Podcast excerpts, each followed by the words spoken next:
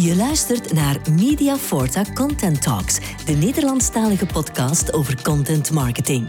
Bij ons hoor je inspirerende verhalen over content makers, tips en tricks voor lead generators en strategisch inzicht van experten voor marketeers. Om ook jouw business te laten groeien. Hier is je host Guy met een nieuwe aflevering van MF Content Talks. Welkom bij Content Talks, lieve luisteraars. We trokken naar buiten de afgelopen maanden en dat kun je horen in onze podcast. En dan bedoel ik niet alleen mijn stem, die vandaag een beetje schorrer klinkt dan na een nacht in uh, de schorren. Uh, in een vorig gesprek hadden we het al over de knaldrang, die weer helemaal terug is. En ook in deze aflevering blikken we ruimschoots terug op enkele hoogtepunten uit onze festivalzomer. Vandaag gaan we op bezoek bij een man die uh, eventmarketing in Vlaanderen op de kaart zette. Peter de Kuiperen is niet enkel de auteur van twee bestsellers over het onderwerp, maar ook docent aan verschillende hogescholen. Daarnaast ook nog consulent en raadgever voor verschillende bedrijven en vooral ook een inspirerende keynote speaker op gerenommeerde podia in binnen- en buitenland. Hij praat graag en met begeestering over inspiratie en initiatief in marketing en natuurlijk over de eventsector waar hij zich als een vis in het water voelt. We zijn blij dat we hem konden strikken voor een gesprek. Dag Peter, uh, welkom in onze studio. Je. Uh, het klinkt als een interessant man dat je uh, hebt aangesproken als ik het zo hoor. Ik zou die wel eens willen bezig horen. wel wij ook, Peter. het begon destijds allemaal met het I Love Techno Festival in Gent en uh, de Fuse in Brussel. Een niet zo evidente richting voor een master in de wijsbegeerte. Of uh, zie jij dat zelf anders? Ja, het is natuurlijk. Um, ik heb, uh, het is niet zo'n evidente richting, maar je moet het wel omdraaien. Ik heb in feite eerst um, een bachelor marketing gehaald. En dan heb ik, um, ben ik in de eventsector terechtgekomen. Heb ik dus Fuse gedaan en I Love Techno. En het is maar nadat ik het heb verkocht, um, dat ik uh, die studies uh, master in de wijsbegeerte filosofie heb gedaan. Dus ik was nog geen master in de wijsbegeerte toen ik I Love Techno en Fuse deed.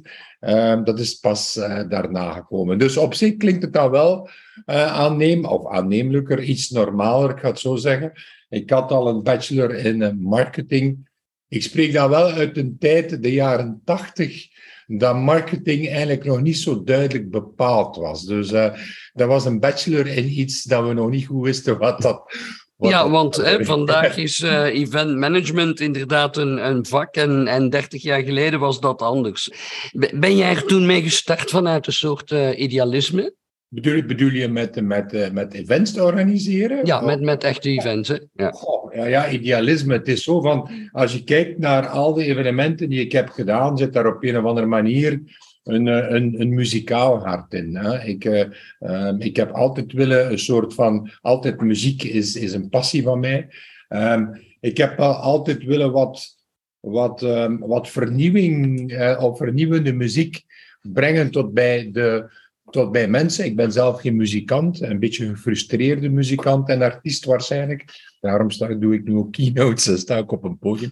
Maar um, ik denk dat, dat voor mij was dan evenementen het platform die mij toeliet om mensen die muziek te laten ontdekken. Dus ja, vanuit een soort van idealisme. Um, en dan als je kijkt natuurlijk, als je kijkt naar het professionele gehalte van eventmanagement, dat hebben we natuurlijk met vallen en opstaan geleerd, want het was nog geen vak, zoals je net zegt, 30 jaar terug. Dus ja, en, en natuurlijk hè, heb je er uh, ondertussen zoveel over gepraat en, en ook uh, boeken geschreven. Laten we meteen even naar, uh, naar dat boek kijken. In, in, in de Holy Trinity Events leg je de nadruk op het belang van verbindende belevenissen bij een event. En heb je het over de drievuldigheid tussen God, me en we.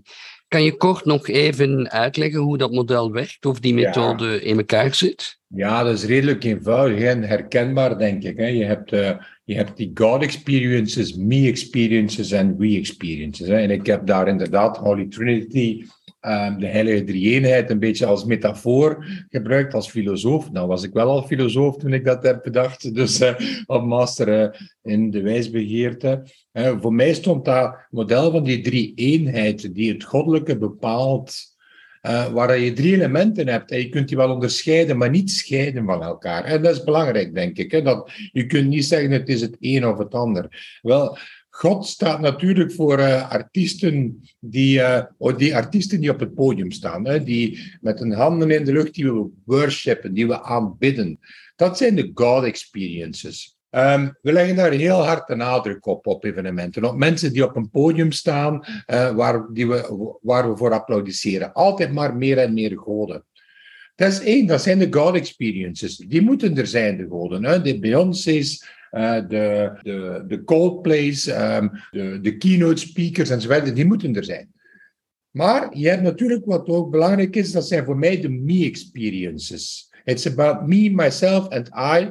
Dat is de bezoeker van een evenement. Hè. Binnen de drie-eenheid zeg ik dan, dat is Jezus. Dat is een mens van vlees en bloed die graag at en dronk. Hè, want uh, voordat hij stierf, heeft hij nog het laatste avondmaal, heeft hij nog goed gedronken en nog goed gegeten. Dus dat gaat voor mij dan om de, dat gaat dus om de me-experiences. God-experiences, op het podium, me-experiences. Ik wil eten, ik wil drinken, ik wil goed behandeld worden, ik wil een jacuzzi, ik wil een cocktail, ik wil parking en. God, me. En dan hebben we nog het derde element, en dat is voor mij dan de Holy Spirit, de Heilige Geest in die drie eenheid. En dat staat voor mij voor um, de Heilige Geest is bij ons nedergedaald.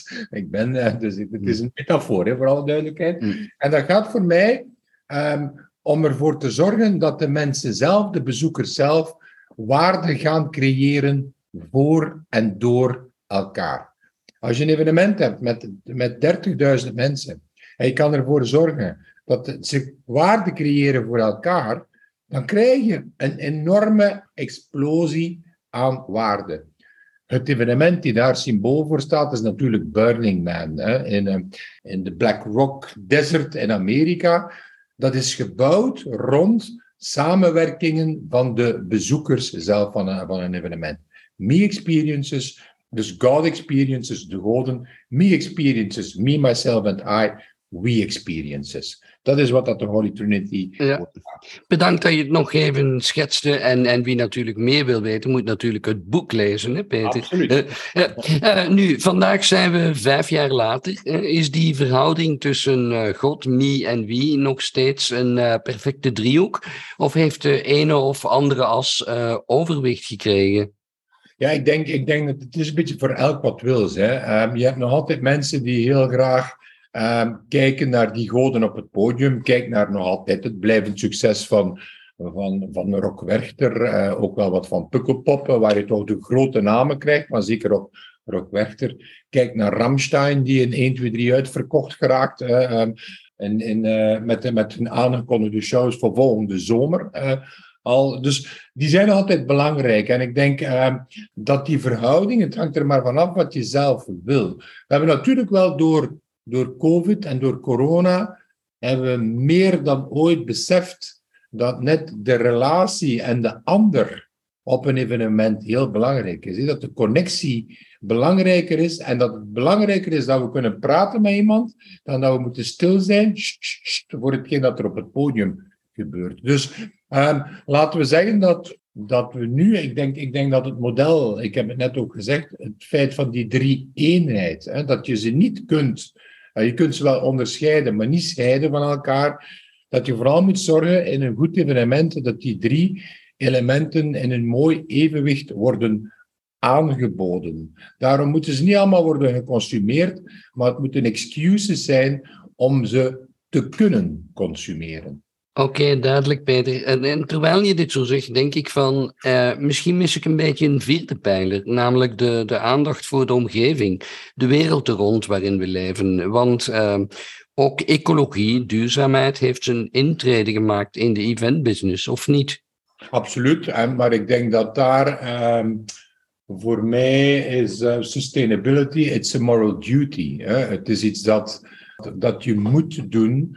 En dat moet aanwezig zijn. Mijn model dat ik heb ontwikkeld gaat natuurlijk over belevenissen van de, of belevingen van, van de bezoeker van, uh, op, op een event. Hè. En ik vind dat duurzaamheid eigenlijk een soort van uh, moet aanwezig zijn, omgang met de wereld.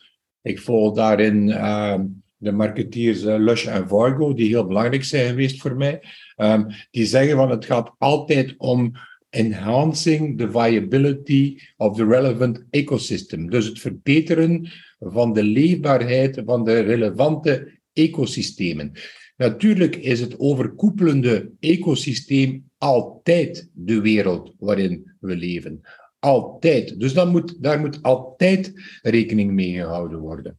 Dus um, voor mij denk ik dat um, Holy Trinity zeker de wereld niet uitsluit, maar in feite een beetje ervan uitgaat dat de wereld als evidentie altijd aanwezig is in het creëren en, in het, uh, en dat, je, dat je er rekening mee houdt in het creëren van waarde. Oké. Laten we nog even bij de, bij de MIE stilstaan. Hè, want uh, we hebben inmiddels um, gezien dat heel wat festivals daar koek van gegeten hebben. En dan vooral de interactie tussen uh, uh, de Mie en de, en de Goden. Ik zag afgelopen zomer een Joost tot tranen toe bewogen een heel intimistisch verhaal delen on stage. En op Tomorrowland zagen we live een huwelijksaanzoek voor het oog van meer dan 100.000 feestvierders. Wijd gecoverd door camera's en, en videochannels. Eh, hoe, ver kan je daarin gaan? Gaat de geloofwaardigheid op een bepaald moment niet overslaan in, in een fake gevoel? En heeft het nog iets echt? Of is het theater in een, in, een roep naar succes? Ja, weet je, je hebt altijd het probleem natuurlijk dat iets wat, of iets nieuws, dat het heel vlug wordt vermark, vermarketeerd. Hè? Dat, dat, dat het een product op zich wordt. Van, ah, oké, we hebben... We zien dat we-experiences belangrijk zijn, dus we gaan de we-experiences nu even in de verf gaan zetten. Um, en, en, en wat gebeurt er dan? ik spreek in mijn model altijd over het creëren van excuses for self-expression en excuses to connect. Dus het zijn excuses om iets te doen, niet verplichtingen. En dan merk je opeens dat een aantal merken dat gaan vastnemen en daar een soort van verplichtingen van maken. Hè. ik bedoel, we gaan niet meteen namen noemen, maar ik, ik krijg er mijn, mijn tenen krullen ervan natuurlijk. Als je merkt dat op een bepaald moment een bank hè, gaat zeggen dat ze een en al liefde zijn. Uh, hè, wat we nu zien in een aantal spotjes op tv. Hè, een en al liefde. Dat is in feite bijna het gebruiken van love marks van Kevin Roberts, dat we allemaal kennen. En in plaats van een love mark te creëren, te zeggen, we zijn een love mark. Nee, nee, nee, nee. Je moet, het, je moet bewijzen dat je iets bent. En dat kun je maar door iets te doen. Dus ja, het klopt hè, dat je op een bepaald moment ziet dat men probeert om emoties bijna te kapen en te spelen en te faken. En dan te zeggen van, ja, kijk, kijk, kijk, de emoties zijn er. Dus we zijn een love mark. Dus het klopt dat je daar een beetje moet oppassen. Dat, uh, maar ik denk, ik denk dat de klant, of de mogelijke klant, dat heel vlug doorziet. Of dat iets echt liefde Maar ik weet niet wat jij ervan vindt, maar een bank die zegt dat ze vol liefde zijn. Ik moet geen bank vol liefde. Ik wil een bank die goed werkt. Ik heb er inderdaad ook liever eentje die uh, efficiënt met mijn geld omgaat. Voilà, ja. voilà. En niet liefdevol en, niet zegt, en die mij graag ziet, uh, hoeft niet. Ze mogen lief zijn met, een, uh, met rente en, en dividenden. Ja, voilà, maar, daar houdt het, maar daar houdt het dan ook op. Hè. Ze moeten vooral heel efficiënt en competent en heel betrouwbaar zijn. Dus uh, dat, ja. Peter, je zei, uh, ik ga geen namen noemen, maar wij vinden het wel leuk natuurlijk als je met uh, pakkende voorbeelden uitkomt. Hè? En, ja. uh, en misschien heb je nog een paar andere leuke um, voorbeelden um, uit de afgelopen zomer. Um, want je bent nog altijd een festivalschuimer, dacht ik. Ja, absoluut. Ja, ik vind, pas op, hè, het is, voor, voor mij gaat dat natuurlijk redelijk breed, festivals. Het zijn niet alleen festivals uh, uh, waar ik graag naartoe ga. Ik ga ook graag naar gewone optredens. Ik ga ook graag naar andere evenementen. Dus um, ik ben ook naar Formule 1 geweest. En het was dan in Zandvoort. Met een fantastische paddock-ervaring. dus um, voor mij zijn festivals iets waar, waar ik graag naartoe ga. Omdat daar natuurlijk het muzikale aanwezig is. Dus op uh, Formule 1 is iets minder muzikaal. Je moet ook oordopjes gebruiken, maar dat is dan voor het lawaai van de ronkende, brullende motoren. Maar uh, ja, ik, ik, denk dat we, dat we deze zomer uh, een, een, beetje een overaanbod hebben gehad natuurlijk van, uh, van evenementen. Hè. Dus uh, keuze te over, zou ik zeggen. Ehm, moeilijk om een keuze te maken hier, om te zeggen van dit is nu een keer iets wat echt heeft uitgesprongen. Kun jij ook uit de bol gaan op een, uh, op een Camping Kitsch of, op een, of kunnen we jou vinden op een Nerds Festival bijvoorbeeld? Ja, ik, ik, ja, dat Nerdfestival dat er was op de Tuinbroek, daar was ik heel graag naartoe geweest, maar ik kon, er, ik, kon er, ik kon er zelf niet zijn, anders had ik dat zeker gedaan. Een Camping Kitsch vind ik eigenlijk wel een heel mooi voorbeeld van me-experience, waar dus de self-expression heel belangrijk is en de goden niet belangrijk zijn. Hè. Wie er daar op het podium staat, leuk dat Willy Sommers daar is hè, en leuk dat, uh, dat daar een aantal charme zangers zijn, but nobody cares. Hè. Um, het zijn de mensen zelf die waarde creëren voor en door elkaar. Dus ik ben naar Camping Kitsch geweest, um, ik denk voor corona, dus de editie die er nog was voor corona. De laatste editie heb ik uh, laten passeren. Uh, Dus ja, leuk, leuk om één keer, één keer mee te maken. Ja, je kunt ook niet overal zijn natuurlijk, want we hebben hier in Vlaanderen een, uh, een vrij sterk aanbod hè, aan events, concerten, festivals, geen tekort. En we hebben ook Tomorrowland, dat laatste wordt alsmaar groter dit jaar een hoofdpodium geïnspireerd op de Basiliek van Lourdes. Een hedendaags bedevaartsoort voor festivalgangers, denk ik dan. En is die drang naar steeds groter, steeds internationaler iets wat we nog even gaan zien aanhouden? Of geloof jij meer in specifieke, toch iets kleinere events die dan een afgeleide doelgroep aanspreken? Ja, ik denk dat het, ja, het is natuurlijk opmerkelijk. Ik wist zelf dat het geïnspireerd was op de Basiliek van Lourdes. Dus je zegt mm. mij dus wat, eigenlijk nog, wat het allemaal nog iets schoddelijker maakt natuurlijk. Ja, ja. Nee. Ik heb Maria daar wel niet zien verschijnen, dus misschien heb ik iets gemist. er stonden aardig wat Maria's op het uh, podium, hoor Peter. Ja, ja, het zou kunnen, het zou kunnen. Ja. Maar ik denk, ik denk dat het een en-en verhaal is. Hè. Um, je hebt enerzijds die... Um, altijd maar groter en groter en groter. Zeker, zeker nu uh, met de knaldrang uh, en met, uh, met die eerste zomer die we dus hadden na COVID, waar je merkt dat Tomorrowland drie weekends deed in plaats van twee weekends, dat Pukkelpop nog een dag toevoegt aan een programma, en zo verder en zo verder. Maar ik denk dat, ehm, dat je enerzijds nog altijd die, die ruimte is voor die grote festivals met grote internationale namen, met veel dagen, veel podia en zo verder. En langs de andere kant dan ook het meer, het, meer kleinere. Uh, en wat, wat is klein natuurlijk? Hè? Spreken we dan over uh, Pak Weekend Dance, is dat nog in, in Zeebrugge, is dat nog klein, 10.000 mensen. Ook twee weekends gedaan, of 15.000 mensen, denk ik. Dus uh, ik, ik, denk, ik denk dat er ruimte is voor, voor zowel die grotere festivals als de kleinere. Persoonlijk ben ik zelf wat meer geneigd natuurlijk om naar, om naar de meer um, intimistischere uh, evenementen te gaan. Ja, kan, kan een event ook te groot worden? Kan je als organisator jezelf overspelen op een uh, bepaald uh, moment?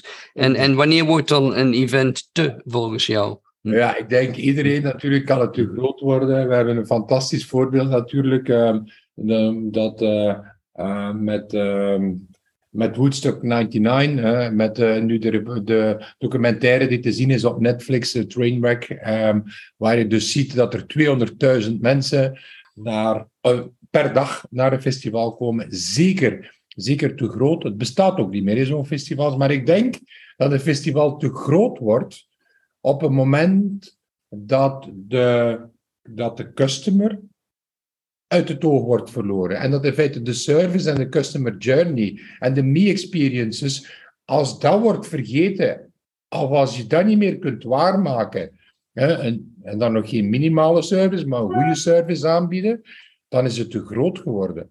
Ik was op Pukkelpop, hè, waar er ook heel veel volk is. Ik had niet het gevoel dat dat te groot is, omdat je merkt dat alles daar perfect georganiseerd is. Dus uh, Terwijl als je kijkt naar Woodstock 99, ja, dan zie je dat daar net niks in orde is. Dus eigenlijk is een redelijk eenvoudige regel dat als je als bezoeker niet het gevoel hebt dat je een nummer bent, hè, dat je um, laat staan dat je uitgemolken wordt uh, als, als, als bezoeker, um, dan denk ik dat, je, dat daar niet meteen een grens op staat op, um, op het aantal bezoekers van een evenement rekening houden terug met de wereld. Hè. Bedoel, en met de wereld bedoel ik dan, hè, wat hij net ook vroeg, hè, ook met de omgeving. Hè. Ehm, kijk naar Tomorrowland, ze hebben nu drie weekends gedaan. Ik denk dat ze daar inderdaad nog net die grens hebben voor de buurt. Maar het moet niet elk jaar drie weekends zijn natuurlijk. Dus uh, daar moet je wel rekening mee houden. Ja, want, want inderdaad, lijnrecht tegenover het uh, recht op de publieke ruimte uh, te gebruiken voor outdoor events staat het NIMBY-principe. En ik geloof dat het in Steenhuffel of omstreken was dat een pop-up uh, zomerevent moest wijken omdat een uh, buurtcomité er tegen reageerde. Uh, wordt het moeilijker anno 2022 voor organisatoren en eventmanagers als je met al die individualistische verzuchtingen rekening moet houden? Ja, ik denk dat daar vooral, um, je moet wel zien natuurlijk, als je spreekt over een pop-up zomer-event, um, is iets anders dan een, bijvoorbeeld een pop-up zomerbar. Hè. Een zomerbar is iets wat elk is dan elke donderdag, vrijdag, zaterdag open. En dan denk ik, not in my backyard. Um, ja, dat, je wil in de zomer ook wel rustig in je tuin kunnen zitten. Denk aan, denk aan de padelterreinen die opeens uh, zo storend zijn. Je, wil, je wil dat echt niet in je backyard hebben, zoiets. Maar ik denk dat het daar... Um, dat er altijd moet een afweging gemaakt worden. En de overheid is daar wel belangrijk natuurlijk. Dus ja, wat is de maatschappelijke relevantie en de maatschappelijke meerwaarde van een evenement. En ik bedoel, dan als er 60.000 mensen zich ongelooflijk goed amuseren op een evenement één weekend.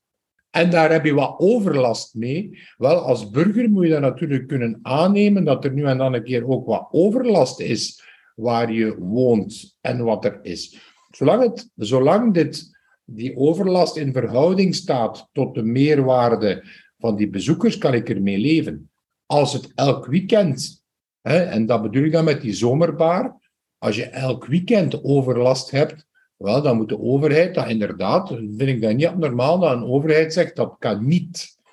Als het één weekend is in een zomer, en wij hebben hier ook, ik woon hier in Zoersel, en wij hebben hier het grote bosgebeuren van de scouts, dat zorgt voor wel wat overlast, maar we weten dat allemaal en dan ga je dan natuurlijk ik vind ook een beetje, het is ook een kwestie van communicatie met de buurt. Hè, van, uh, zorg dat de mensen weten wat er gebeurt. Maar ik denk dat daar uh, een taak ligt van de overheid om een afweging te maken of een evenement, um, of de meerwaarde van een evenement zodanig is dat die overlast wel te rechtvaardigen is. Wel een gevaar van discriminatie natuurlijk, hè, waar dat een overheid dan kan bepaalde evenementen niet laten doorgaan omwille van zogezegd overlast. Dus daar zit er ook wel een gevaar in natuurlijk. Ja, moet een beetje eerlijk blijven. En, en Peter, jij staat bekend om uh, geen blad uh, voor de mond te nemen en de dingen uh, te benoemen zoals ze zijn. Je kreeg met het Views-verhaal in Brussel niet altijd de wind in de zeilen. En je had het ooit in een opiniestuk over de Fuck You Brussels Award. Ja. Cultuurhuizen in, in Brussel hebben het vandaag nog steeds niet makkelijk. Um, is dat uh, de schuld van de overheid of ook de manier waarop uh, veel Vlamingen naar Brussel kijken?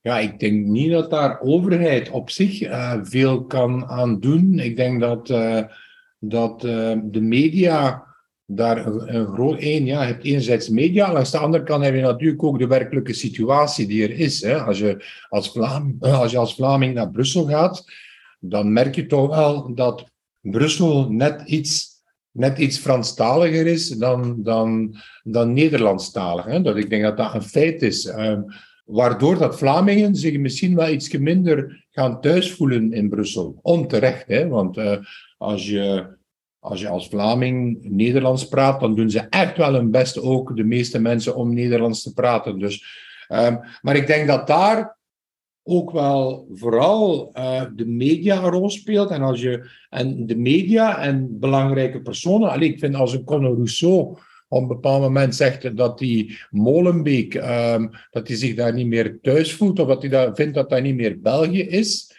dan heb je het probleem hè, dat een Vlaming die Brussel niet voldoende kent, een beetje gaat Molenbeek of Brussel zien als één groot Molenbeek. Wat ook niet zo is als je Brussel een klein beetje kent. Dus uh, ik, ik, ik denk dat daar vooral. Ik zou, ik zou zeggen aan alle, aan alle Vlamingen: ga naar Brussel en, en, en, en bezoek Brussel. En het is, het is een mooie stad, het is een, uh, het is een warme stad.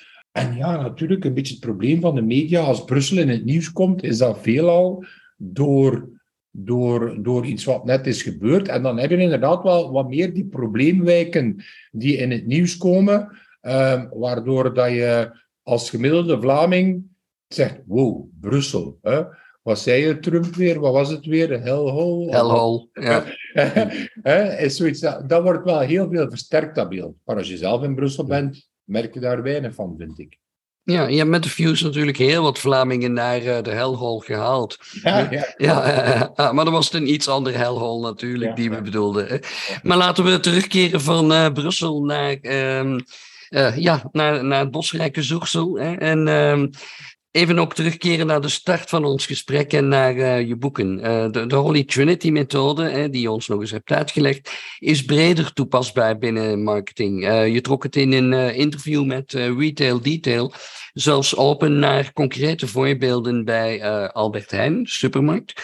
En is dat een bewijs dat eventmarketing vandaag professioneler wordt aangepakt? Goh, ja, ik denk dat de eventmarketing is natuurlijk... Um Um, is altijd zo, ja, weet je, eventmarketing vind, vind ik dat soms wat vreemd om.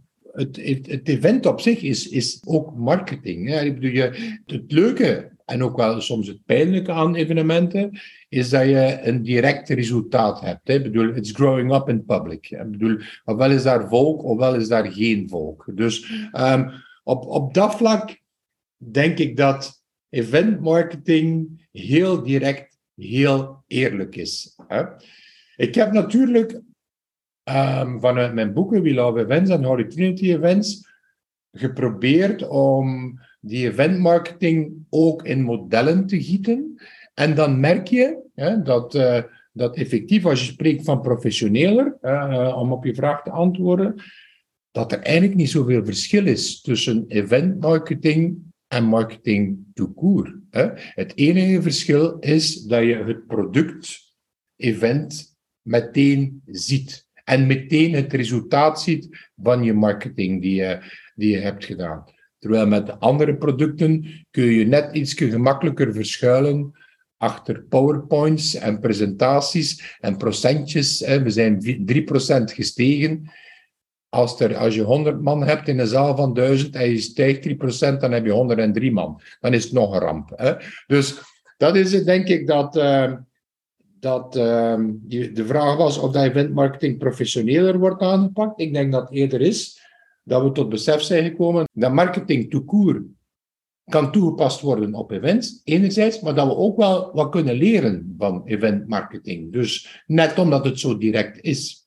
En kan je dat, kan je dat illustreren met een, uh, met, een, met een voorbeeldje nog? Van, van waar uh, een, iets wat je leert uit event marketing dan doorgetrokken wordt naar klassieke marketing. En ik denk dan aan product marketing of content marketing of dergelijke. Ja, ja weet je, ik, ik denk dat je daar natuurlijk. Ik heb inderdaad dat voorbeeld gegeven uh, van, van Albert Heijn. Ik denk dat je op een bepaald moment kunt, kunt een product of dat je dus kunt een, uh, een markt ook zien als een evenement to court. Natuurlijk een supermarkt nog iets gemakkelijker te zien natuurlijk als een evenement. Daar ga je ook naartoe um, als bezoeker. Je bezoekt het en dat is gewoon een event op zich. Alles wat in een tijd en ruimte plaats heeft, kun je zien als een event.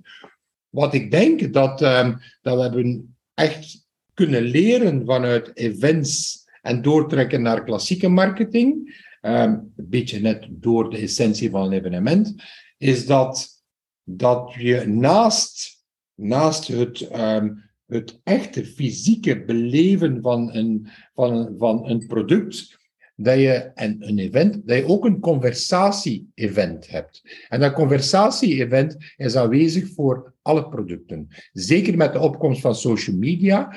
Eh, ik heb dat met We Love Events aangetoond door middel van twee hartjes. Hè, dat je moet houden van het fysieke event en ook moet houden van het conversatie-event. En vooral dat dat conversatie-event ook apart moet worden of kan worden gemanaged.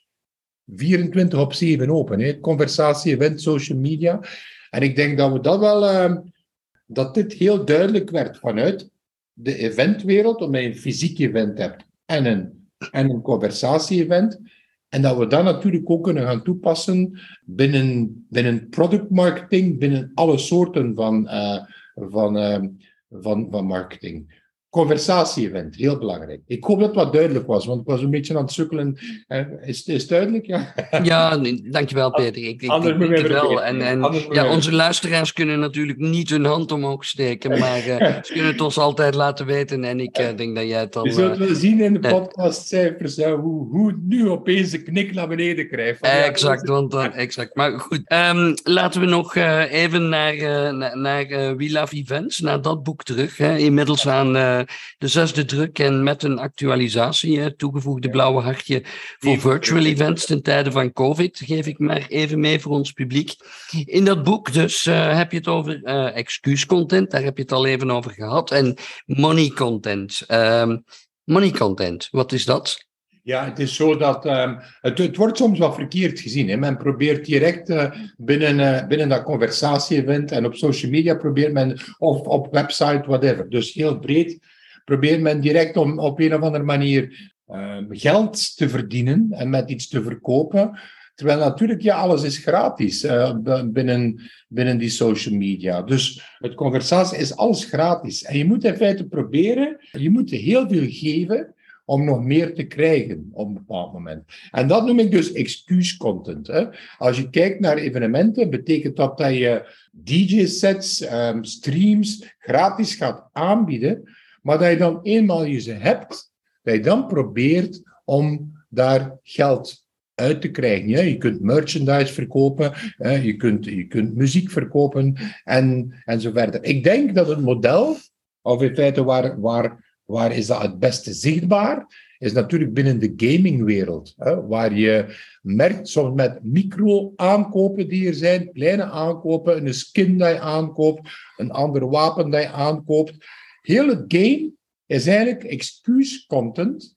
En wordt u gratis aangeboden, hè, de League of Legends, uh, de Counter-Strikes enzovoort, wordt u gratis aangeboden. Maar, uh, en omdat het gratis wordt aangeboden, krijg je ook een enorme massa die, die je opeens kunt gaan bereiken. The world is your market um, binnen, uh, binnen het conversatie-event. En dan merk je dat men probeert door kleine extraatjes aan te bieden, dat is bijna een merchandise. En dat is voor mij dan de money content. Excuse content. En dat wordt soms vergeten. Die excuse content moet echt wel goed zitten. Je moet daar echt wel production value hebben. Je moet kijken naar iets wat er moet. Kijk naar Tomorrowland. Hoe zij, ja, alhoewel, daar moet je nu wel betalen om toegang te hebben. Maar kom, um, laten we zeggen dat je, dat je even neem de Awakenings in Nederland gratis als, als evenement. Maar dan moet je proberen om op een of andere manier mensen toch eventjes met een paar kliksjes wat geld te laten uitgeven. Altijd zorgen dat ze waarde terugkrijgen natuurlijk. Hè. Anders uh, moeten ze niet afzuipen. Hè. Dus, De wisselwerking. Ja, ja. Ik zou uh, heel graag nog even doorpraten, Peter, maar we moeten ons een beetje houden aan onze tijd. Gewoonlijk sluit ik een gesprek af met de vraag naar een tip of goede raad die onze gastspreker nog wil meegeven. Maar ik kan uh, toch niet nalaten om, om je ook te vragen wanneer we een nieuw boek van jouw hand mogen verwachten. Ben je aan het schrijven, Peter? Vertel het ons. Ja, ik ben aan het schrijven. Dus dat zijn altijd heel, heel, heel uh, leuke, maar soms ook wel lastige periodes. En ik zit nu echt wel ook zo op het punt zo, dat ik denk, goh, waar ben ik weer aan begonnen? Dus ik ben een boek aan het schrijven met de titel uh, Succes in zeven mislukkingen. Ik hoop dat het boek geen achtste mislukking wordt. Dus ja, daar hoop ik nu op. En het, is een beetje voor mij een inspirerende gids voor positieve denkers. Dat is de, de ondertitel. Ehm, we hopen om dat eh, uit te hebben begin volgend jaar. En het gaat een beetje, doorloopt een beetje mijn eigen verhaal. Um, en vooral dan van, wat is daar misgelopen? Altijd interessant hè, om uh, iemand anders zijn fouten uh, uh, te horen en te lezen. En soms zelfs kemels en grote mislukkingen. Maar vooral, wat heb ik daaruit geleerd? En wat kun je daarmee meegeven als eenvoudige adviezen aan, aan beginnende ondernemers, maar ook aan mensen die wat langer bezig zijn. Ik denk dat veel mensen nu en dan eens een glimlach van erkenning zullen krijgen als ze bepaalde passages zullen lezen. Ik kijk hier alvast uh, naar uit en ik vermeld ook nog even voor de luisteraars dat ze jouw boeken naast de gebruikelijke boekhandel ook kunnen vinden op je website peterdekuiperen.com uh, uh, en die daar direct bestellen. Zullen we dan toch die tip en, eh, en suggestie ook nog doen? Onder het motto goede raad en direct toepasbare aanbevelingen slaan we nooit af? Ja, weet je, ik vind een hele belangrijke is, ehm, is, is, ja, in feite zijn er, zijn er twee, dus ja, dat is uh, voor mij moeilijk kiezen. Maar ik, ik, ik ga toch voor die ene. Ik denk van, pas goed op voor blind spots in het leven. Um, blind spots zijn voor mij um, iets, iets wat we soms hebben meegekregen van opvoeding, van thuis, van, van, van, uh, vanuit boeken, maar die ervoor zorgen dat op een bepaald moment alles wordt afgesloten naar boven toe. En dat je denkt dat je het allemaal beter weet. En dat je denkt dat, um, en zeker hoe succesvoller wordt, hoe meer blindspotted dat je wordt. Dus je wordt wat verblind door een aantal zekerheden, waardoor dat je de wereld wat begint uh, af te sluiten. Dus het is een beetje van, uh, wat is stay hungry, stay foolish of zoiets, denk ik dat Steve Jobs uh, ooit zei. Het is een beetje dat natuurlijk, van zorg, uh, probeert ook, zeker met het wat ouder worden, dat je niet blindspotted wordt. Dat zou ik willen meegeven als advies. Dat is een uh, mooie raad en hartelijk dank voor je tijd, Peter. Uh, ik hoop dat je het zelf ook leuk vond om bij ons te gast te zijn. Absoluut. En uh, wie weet tot een, tot een volgend gesprek. Je, je bent in elk geval van harte welkom om wat dieper in te gaan op het onderwerp van je nieuwe boek, wanneer dat in de winkel ligt. Hè. Zal ik... Hier doen. Dat alvast uh, zeggen. Ja. En, en u, beste luisteraar, natuurlijk ook bedankt om naar ons te luisteren. Uh, volgde onze marketingbabbel uh, nog niet eerder?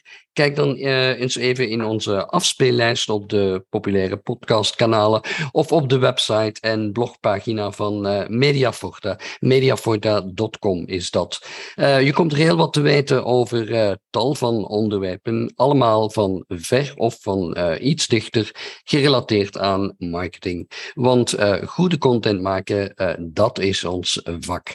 bedankt dat u erbij was en see you next time.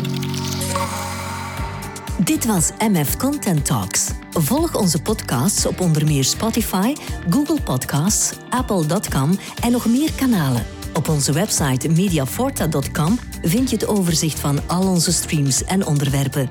Zo hoef je niets te missen. Bedankt voor het luisteren en tot binnenkort.